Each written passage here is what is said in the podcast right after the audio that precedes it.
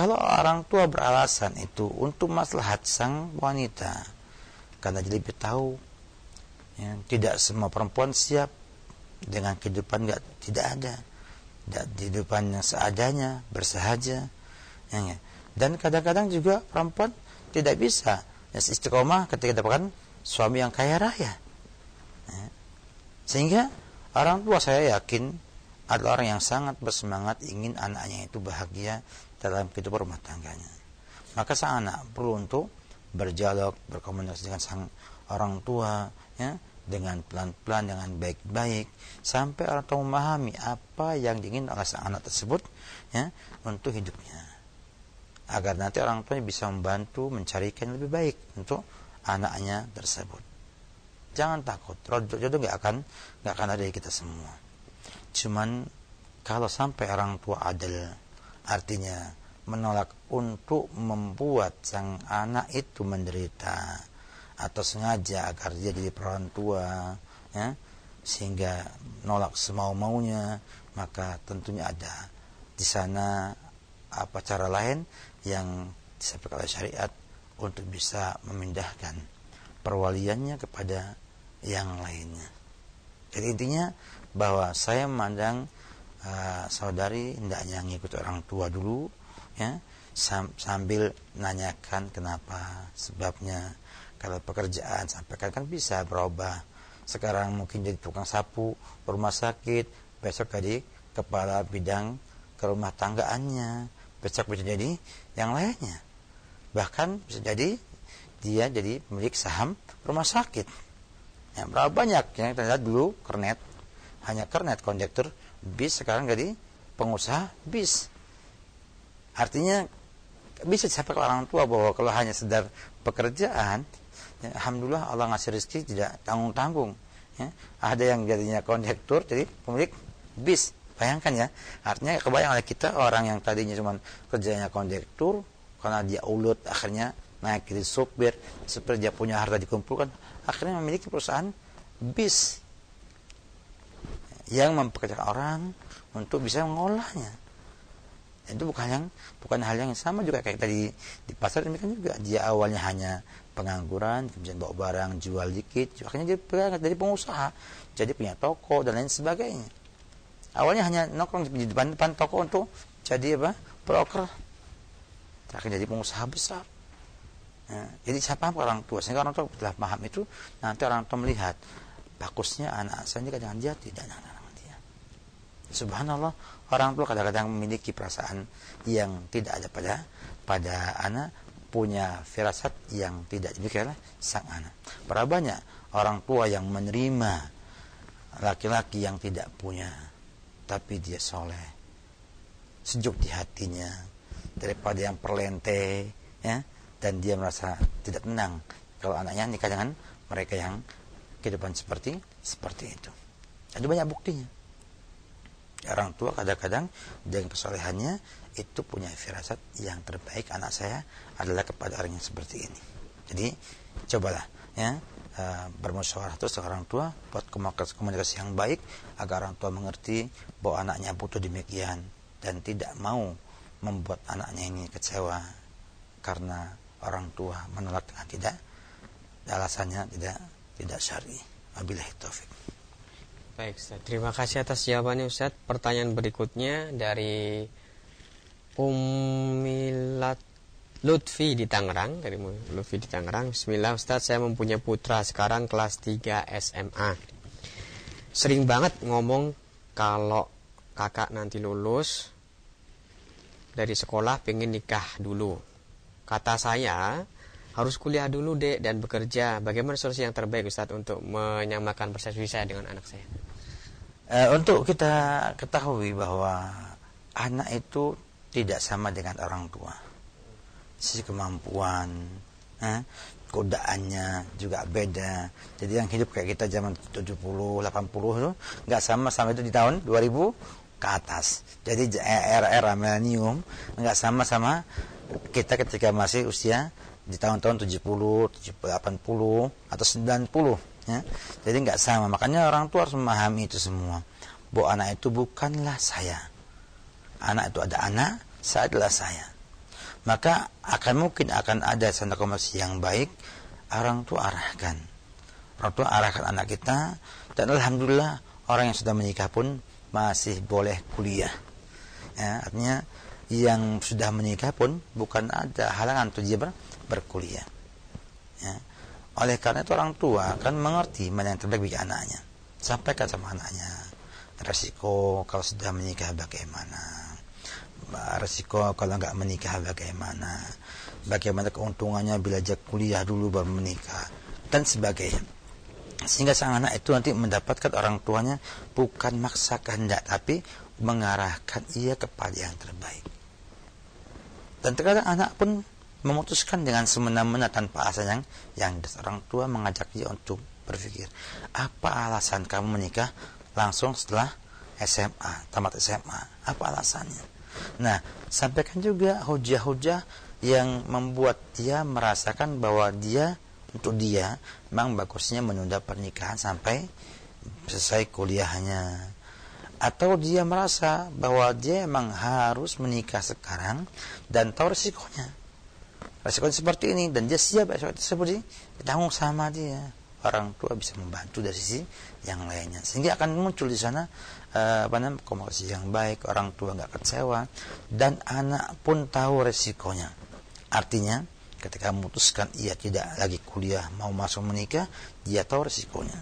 Orang sampaikan resikonya begini begini dan dan begini. Dan kalau dia siap kenapa dia dibantu untuk istiqomah dalam agamanya? Jangan takut ya kalau anak itu paham resikonya semua dan dia siap untuk menanggung orang tua dengan mengarahkan saja agar ia kuat menanggung beban setelah pernikahan tersebut. Inilah fungsi orang tua sebagai pengarah membimbing untuk anak-anaknya. Dan pilihlah pilihkan untuk anak kita ya uh, perempuan yang baik yang nanti bisa membuat dia bisa uh, lebih baik daripada sebelumnya ini penting untuk kita miliki dan memaksakan kehendak kita bertanda juga nggak baik. Karena kita kadang nggak tahu bahwa dia memang sudah nggak mampu untuk menahan uh, tidak menikah. Dan ketika kita paksa nggak menikah malah dia bisa berbuat yang tidak baik yang kita tidak inginkan terjadi pada anak-anak kita. Maka orang tua harus lebih bijak melihat semuanya dan jangan kemudian menganggap bahwa orang tua itu pasti benar. Anak mesti salah. Butuh adanya komunikasi sampaikan hujah-hujah pada mereka dan juga sampaikan juga pada mereka apa resiko yang dapatkan bila berbuat demikian demikian. Wabillahi taufik terima kasih Ustaz atas jawabannya. Kembali kami akan bacakan dari pesan singkat dari uh, seorang umahat Assalamualaikum Ustaz. Saya punya teman. Teman saya ini umurnya 36 tahun. Seorang wanita setiap ada orang atau laki-laki yang mau melihat dia bilang tidak klik di hati katanya. Apa kalau tidak ketemu di dunia ini jodohnya akan bisa ketemu di surga Ustaz? Bagaimana caranya untuk bisa klik? Karena mengingat umur Ustaz. Uh, sebuah akibat itu ada sebabnya. Ada asap ada apinya. Ya.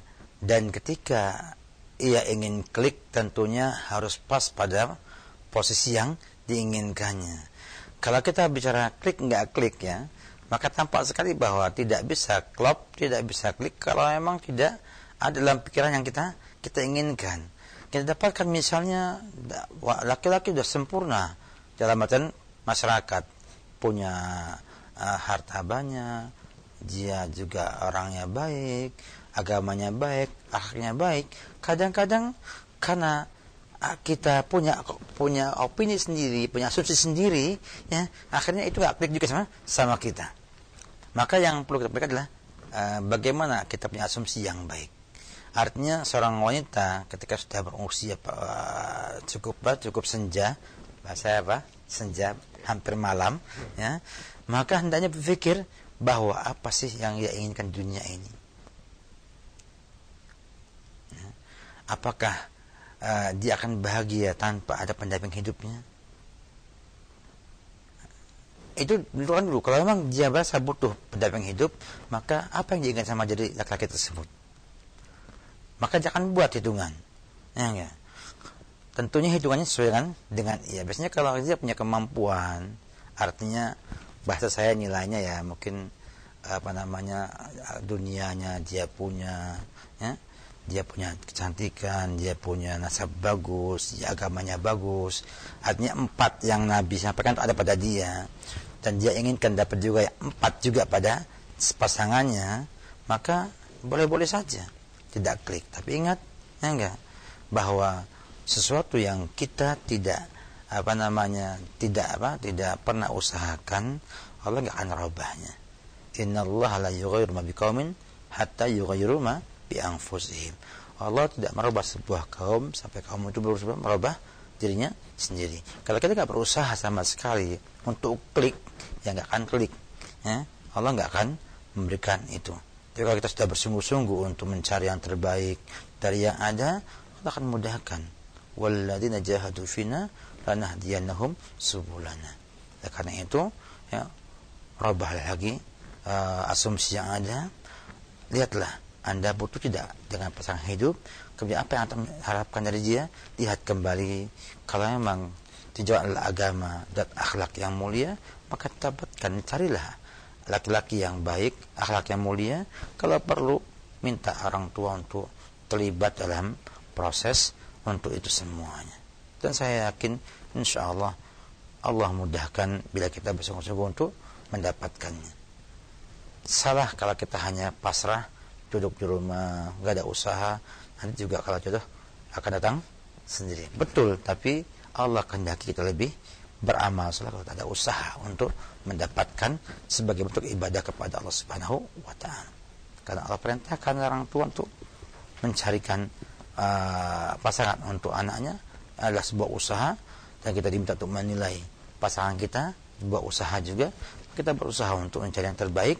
Mudah-mudahan Allah mudahkan dapat yang terbaik. Dan bertahan tidak menikah bukanlah yang terbaik di zaman now ini.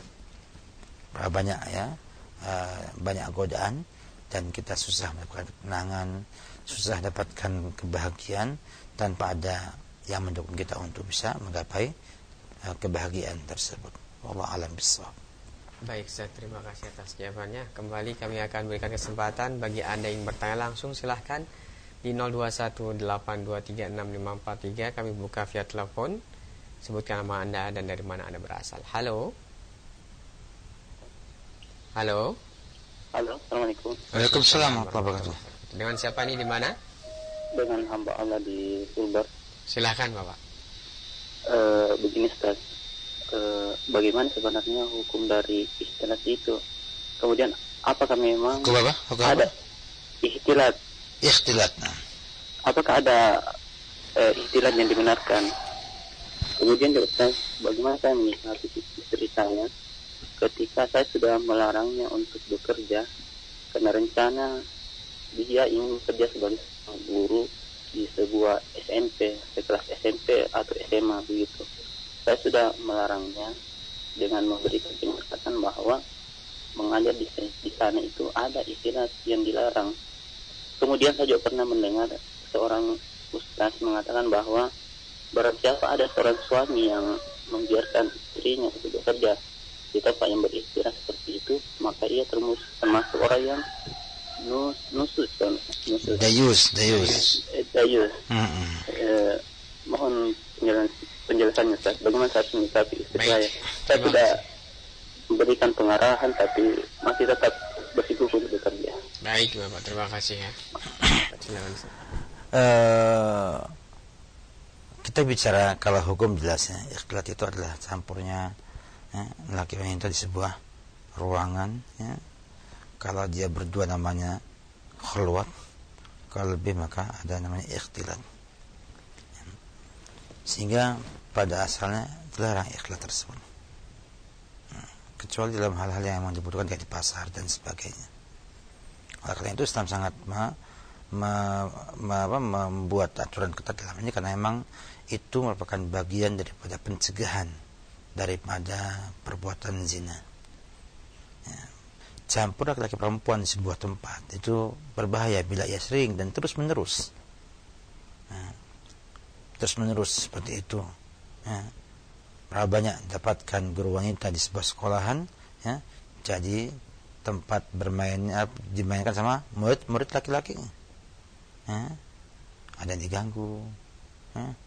bahkan sampai mereka upayakan jadi jadi pacarnya sang wanita tersebut muridnya atau kadang-kadang juga bahkan dengan sebab itu banyak yang selingkuh dan banyak sekali bahkan uh, tahun 2000-an dulu dalam ketika mulai mulai ada sertifikasi guru ya di kota Solo sendiri Jawa Tengah sudah ada sensus dari uh, pengadilan agama bahwa tingkat perceraian tambah tinggi.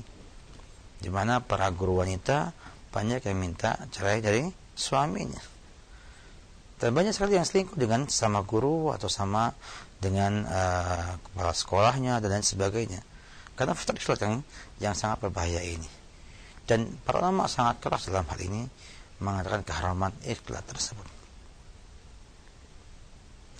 Kemudian tangan istri Anda, Anda sudah berusaha untuk menasihatinya baik-baik. Mudah-mudahan tidak termasuk dalam dayus yang Nabi sampaikan tersebut. Namun tentunya tidak akan mungkin Anda akan terus bertahan dalam keadaan seperti itu. Karena tetap ketika Anda tidak ridho dengan perbuatan dia dan dia terus uh, melanggar yang diingat oleh suami, khawatirnya akan masuk dalam dalam nusus. Dalam nusus. Dan ini berbahaya bagi sang wanita tersebut. Maka hendaknya nasihat baik-baik tentunya itu dia bekerja karena dia punya keyakinan ha, apa namanya e, mungkin karena dia nggak punya uang belanja karena dia nggak punya apa e, apa namanya uang untuk dia bersedekah dan sebagainya ya, mungkin itu jadi sebab ya dia berlahan untuk untuk bekerja. Maka lihat apa alasannya. Kelasnya karena uh, uang ya silakan anda berikan harta kepada dia supaya dia jangan sana. Atau ngomong dah saya gaji kamu yang di rumah saya kasih gaji kayak kamu gaji di sekolahan tersebut kalau kemudian karena dia punya keinginan untuk mengajar maka pilihlah sekolahan yang putri saja. Cari sekolah yang hanya putri saja sehingga dia bisa ada putri-putri. Atau buat bimbingan belajar di rumah ya isinya anak-anak putri yang yang les ataupun yang belajar di rumah. Jadi kalau emang itu karena itu maka buatlah cara bagaimana ia tidak ikhlas dengan yang lainnya tapi dia bisa me, mengeluarkan apa nama keinginan dia itu dengan dengan benar nyalurkan keinginannya tapi dalam posisi yang tidak ada di sana apa namanya uh, ikhtilat ataupun pelanggaran syariat yang ada. Jadi suami harus mampu untuk itu. Dan saya yakin kalau Indonesia ini kalau kita tidak mampu apa namanya uh, mengalahkan ataupun menjawab yang tinggal istri biasanya memang kita kalah dan kadang-kadang kita nggak mampu untuk bersikap lebih tegas lagi.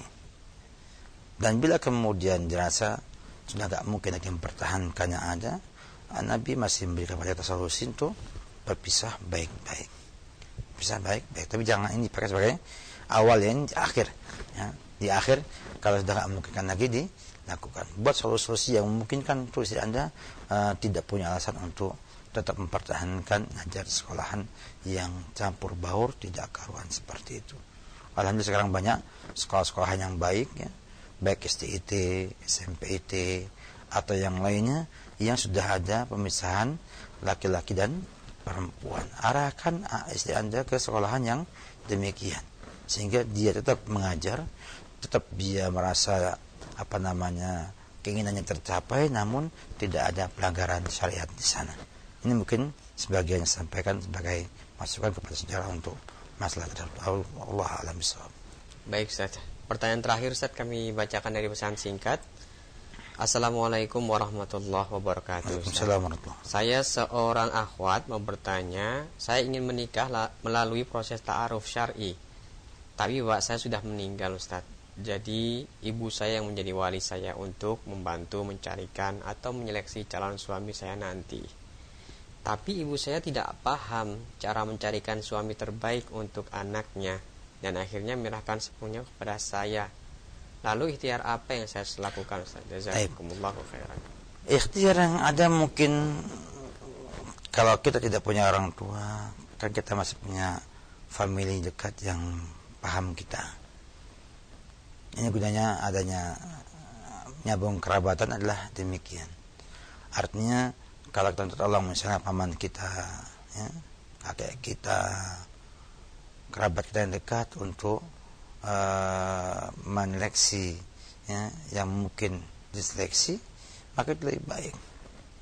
Hmm. Atau kalau memang susah, yang paling mudah yang sering dipakai oleh uh, teman-teman uh, adalah dengan melihat kepada para ustadz yang mampu untuk melihat ini anaknya agamanya baik atau tidak baik sebagai sebuah bentuk ikhtiar ya, kita untuk uh, mencari yang yang terbaik.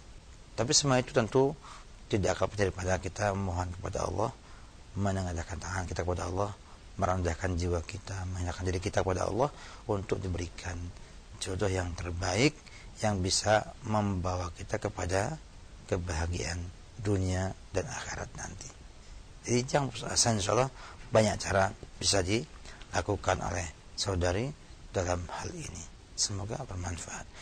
Demikianlah uh, pada acara kita ini semoga Allah Subhanahu wa taala berkahi kita semua dan ucapkan syukur terima kasih setelah Allah Subhanahu wa taala sampaikan untuk antum semua yang berpartisipasi dalam acara kita ini.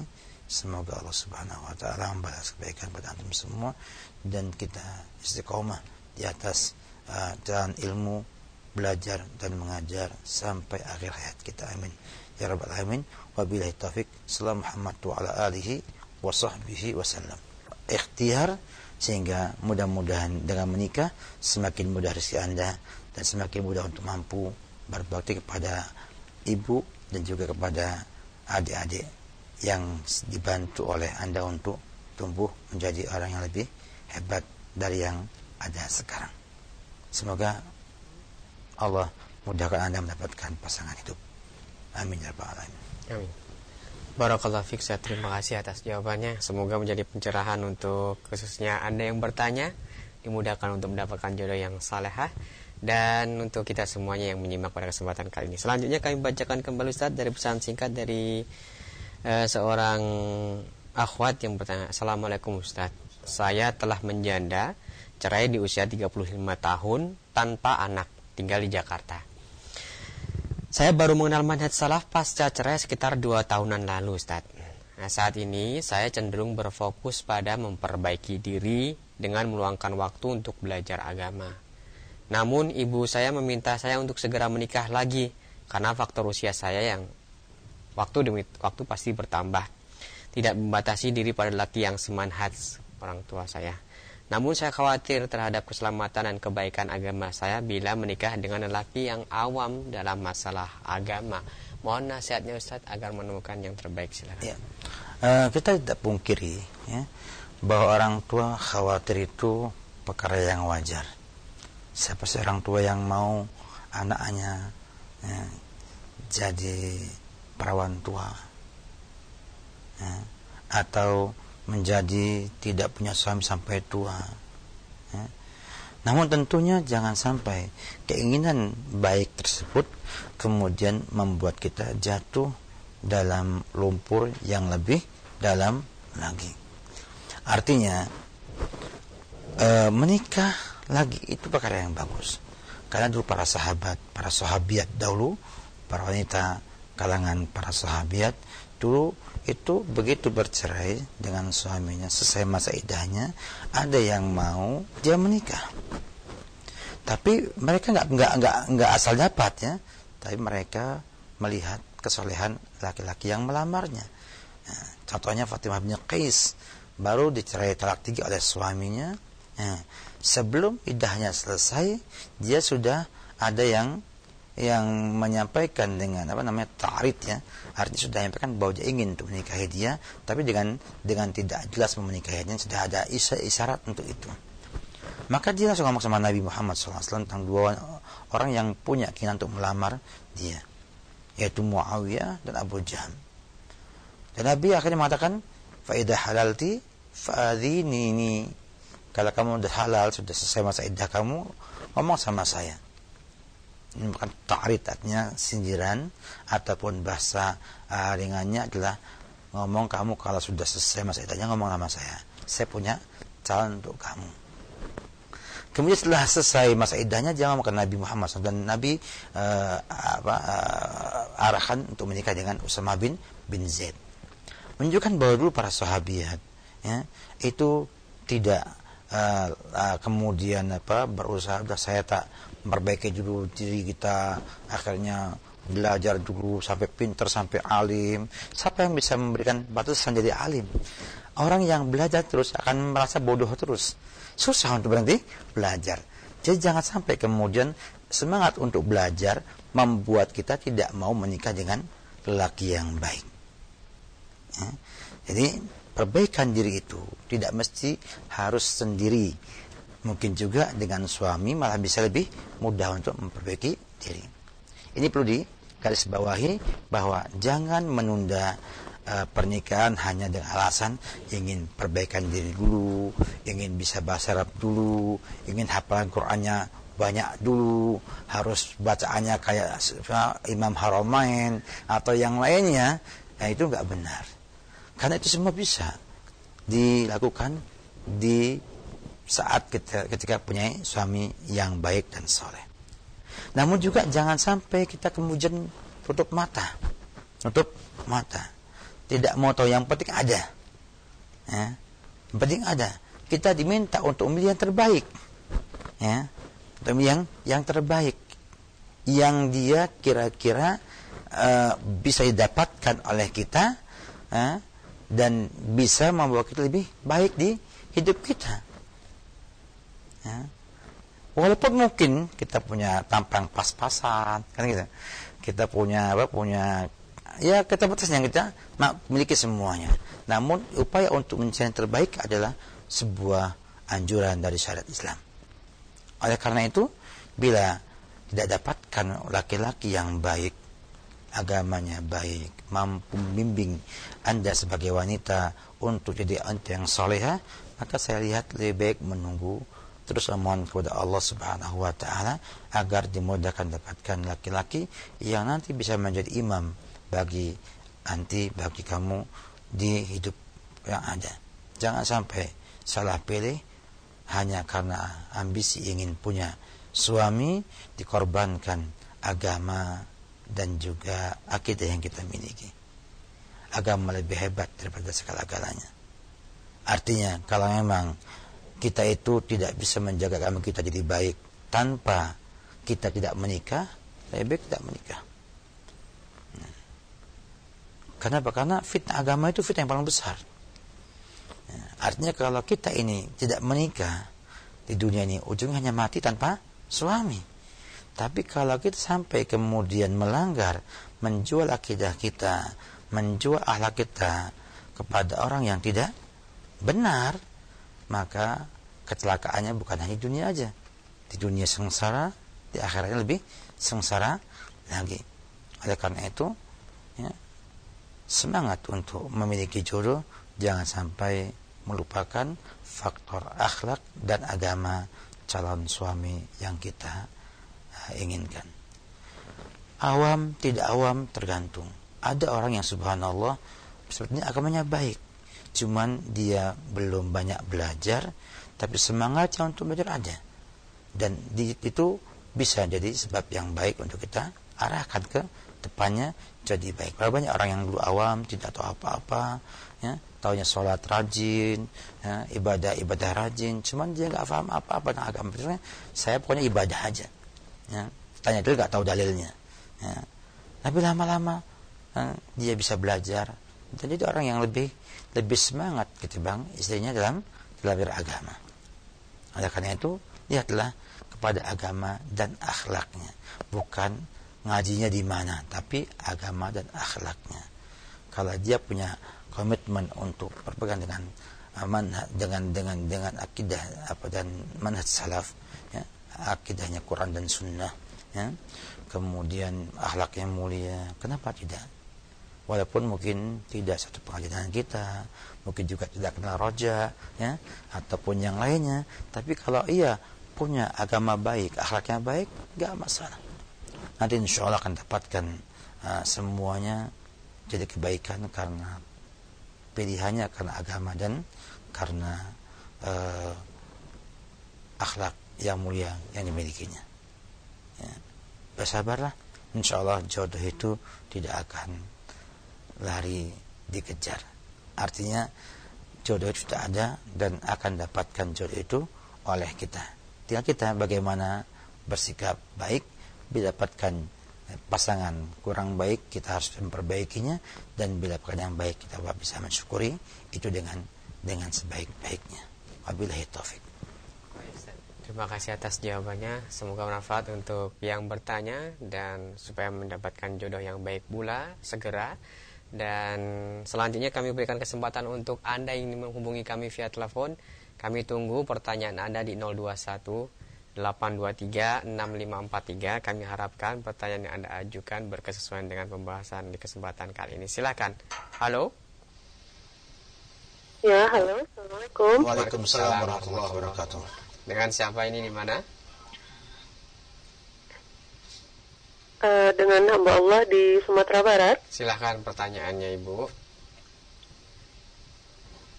Uh, jadi ini Ustaz, uh, saya mau nanya, uh, kalau kan wanita itu nggak boleh uh, pergi sendiri nih harus uh, dengan mahram gitu. Nah, misalkan uh, saya beda rumah sama orang tua. Nah, uh, misalkan saya mau pulang ke rumah orang tua itu boleh sendiri nggak? Apa harus diantar suami juga? Nah kadang-kadang kan suami kerja gitu. Nggak e, sempat nganterin. Nah boleh nggak saya pulang sendiri? Nah terus e, ada dua pertanyaan di sini. Boleh nggak? Sekarang kan ada oh ada gojek ada gokar gitu ya. Oh, boleh nggak saya pulang dengan uh, menggunakan uh, kendaraan itu? Apa uh, uh, uh, alat kendaraan gitu deh uh, gojek atau gokar. Nah kalau misalkan nggak boleh terus kalau misalkan saya pulang pakai angkot ya uh, itu kan kadang dempet-dempetan sama kita nggak tahu nanti ada yang cowok di sebelah gitu. Nah itu gimana Ustadz Uh, solusinya gitu. Kalau misalkan suami nggak sempat nganterin atau nggak bisa nganterin gitu. Ya terima kasih ibu atas pertanyaannya. Insya Allah sudah kita pahami ya. dan ditunggu pencerahannya dari Ustaz. Silahkan Ustaz. Ya. Uh, ada dua pertanyaan jawabannya panjang soalnya. Jadi uh, yang pertama menguji orang tua perkara yang bagus. Ya, dan termasuk dalam silaturahmi. Ya, dalam artian yang syar'i bukan dalam artian bahasa Indonesia.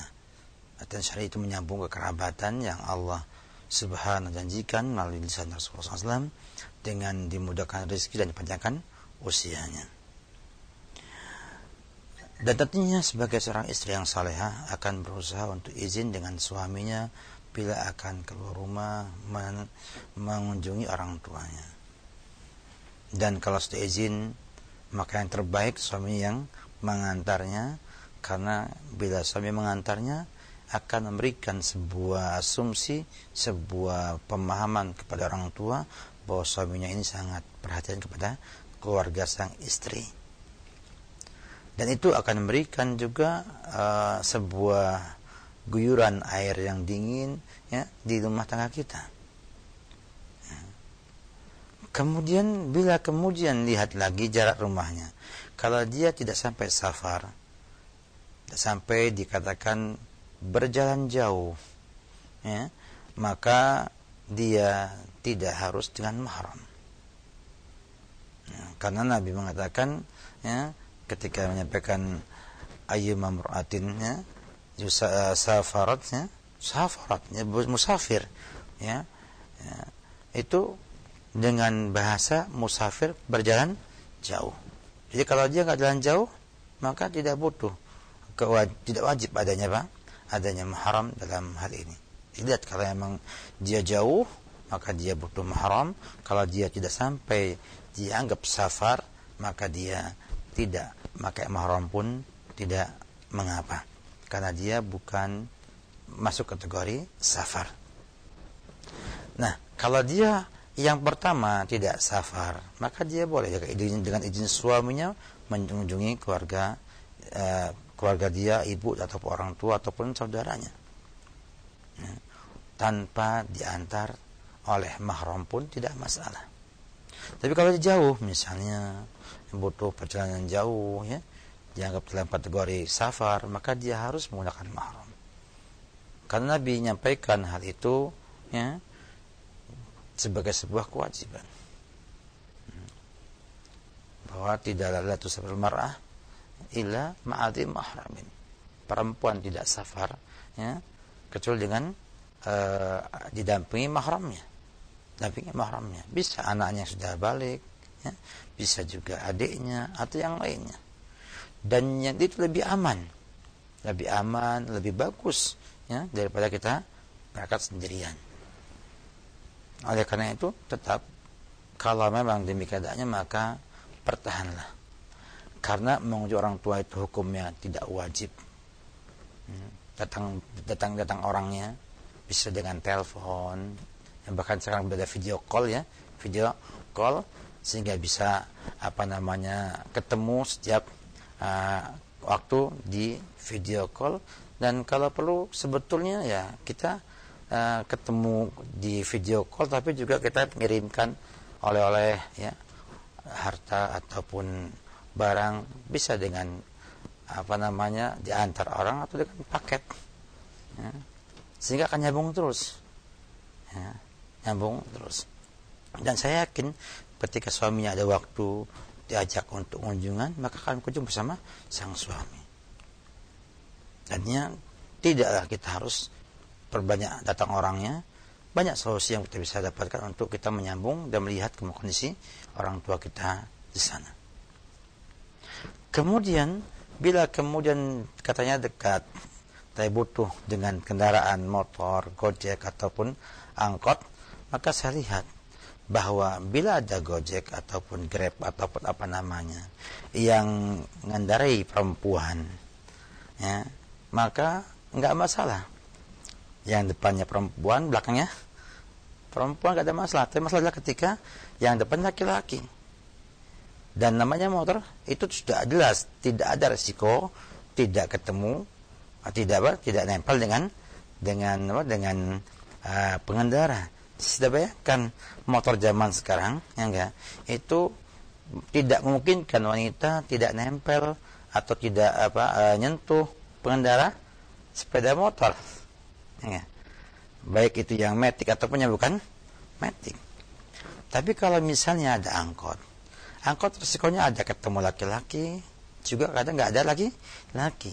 Kira-kira kalau kita membanding-bandingkan yang Gojek ataupun ojek online ini jelas pasti akan sentuhan dengan laki-laki. Sedangkan yang angkot tidak mesti, ya, tidak mesti kadang perempuan semua, kadang ada laki-lakinya. Kalau mendesak harus mengunjungi, mendesak artinya ada hal yang sangat mendesak untuk mengunjungi, maka lebih baik naik angkot ketimbang naik naik apa naik apa namanya motor bersama laki-laki yang bukan mahramnya. Tapi kalau memang tidak ada kepentingan yang mendesak, maka tidak boleh kita melanggar syariat hanya hanya sementara perkara-perkara yang dia itu maksimal hanya sunnah saja. Ya. Karena perancangannya ini mafsadat ini maslahat, maka dia besar. Maka kita mendahulukan untuk tidak melanggar daripada melanggar hanya untuk sebuah maslahat yang mungkin masih bisa diwakil uh, dengan cara yang yang lainnya. Jadi saya lihat kalau memang tidak bisa menguji orang tua dengan tidak melanggar syariat, lebih baik tidak mengunjungi. Tapi bisa dengan cara lain dengan video call, dengan telepon, atau dengan mengirimkan sesuatu yang itu tidak maka syariat dan nyambung juga. Saya yakin kalau kita misalnya setiap pekan ngirim orang tua kita, ya entah itu uang, entah itu oleh-oleh, entah itu barang apa, orang tua akan nyambung sama kita. Ya, dan memaklumi. Tidak hadir itu maklum ya. ya. Dan ketika suaminya punya kesempatan berangkat sama suaminya, akan tampak yang lebih baiknya. Nah, jadi intinya adalah jangan sampai kita melanggar syariat hanya untuk perkara-perkara yang sifatnya hanya maksimal sunnah. Kalau wajib lain lagi perkaranya, kita lihat wajib bagaimana. Karena ada banyak kaidah, al-hajat uh, tubihul makruhat kata ulama. Juga ad-darurat tubihul mahdhurat jadi ini semua kita lihat pada kondisi yang ada. Tapi yang jelas kalau tidak ada ya daruratnya artinya bukan hal yang sangat penting sekali yang mendesak sekali maka lebih baik di rumah bersama uh, menjaga apa menjaga harta dan anak-anak suami daripada mengunjungi uh, orang tua yang memang tidak ada di sana mendesak dan bisa diwakilkan dengan cara yang lainnya. Wallah alam bisawab. Ya, terima kasih saya atas jawabannya. Ya, cukup panjang jawabannya. Iya, Selanjutnya kami berikan kesempatan untuk Anda yang bertanya silakan di 0218236543. Halo. Halo. Halo. Ya. Assalamualaikum. Waalaikumsalam warahmatullahi wabarakatuh. Dengan siapa ini? Di mana? Dengan hamba Allah. Silakan pertanyaannya. Silakan Ibu. Halo, Assalamualaikum Ustaz. Waalaikumsalam warahmatullahi wabarakatuh. Ya, silakan disampaikan pertanyaannya Ibu, segera. Iya. Waktu, ya. Eh, begini Ustaz, Eh, wanita itu kan tidak boleh menggunakan parfum ya. Ya. Eh, nah, pertanyaan saya kalau misalkan eh, ada ses ada gitu seseorang yang eh, mempunyai masalah mungkin bau badan lah gitu ya.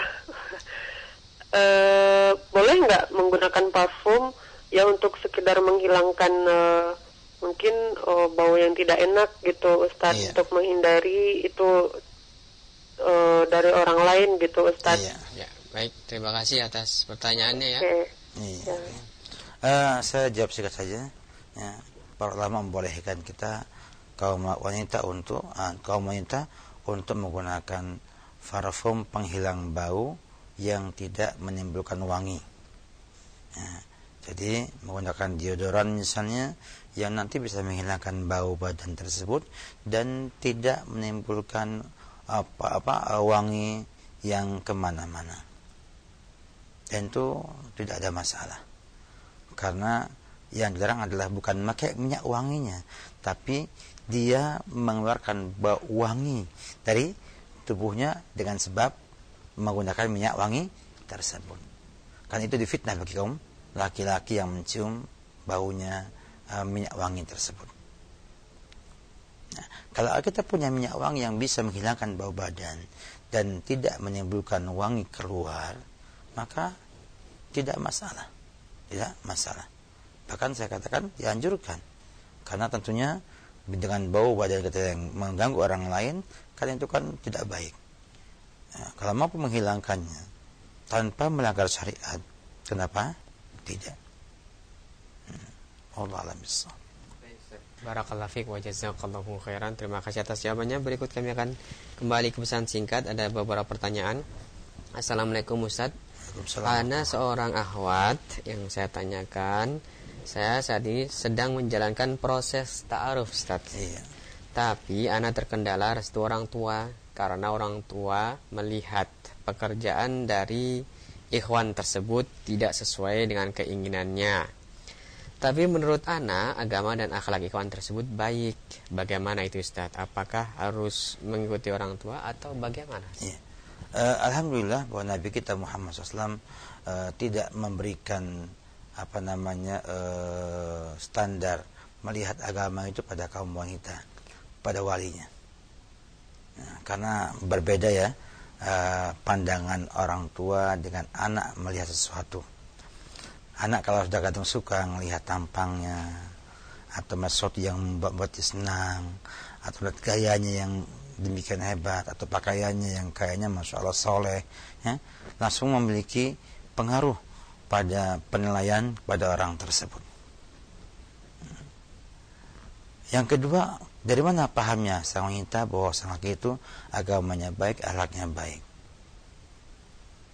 Ya. Kalau nggak lihat, langsung. Kalaupun tanya kepada ustadznya, ustadznya kadang juga nggak tahu kehidupan biasa sehari-harinya.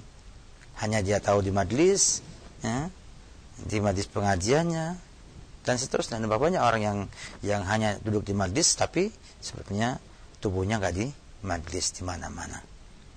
Maka Nabi katakan fa idza aman idza aman tardawna dinahu wa.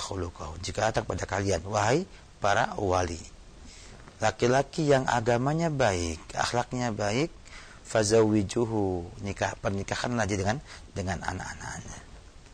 Menunjukkan bahwa yang menilai baik tidak baik itu bukanlah sang wanita dulu tapi walinya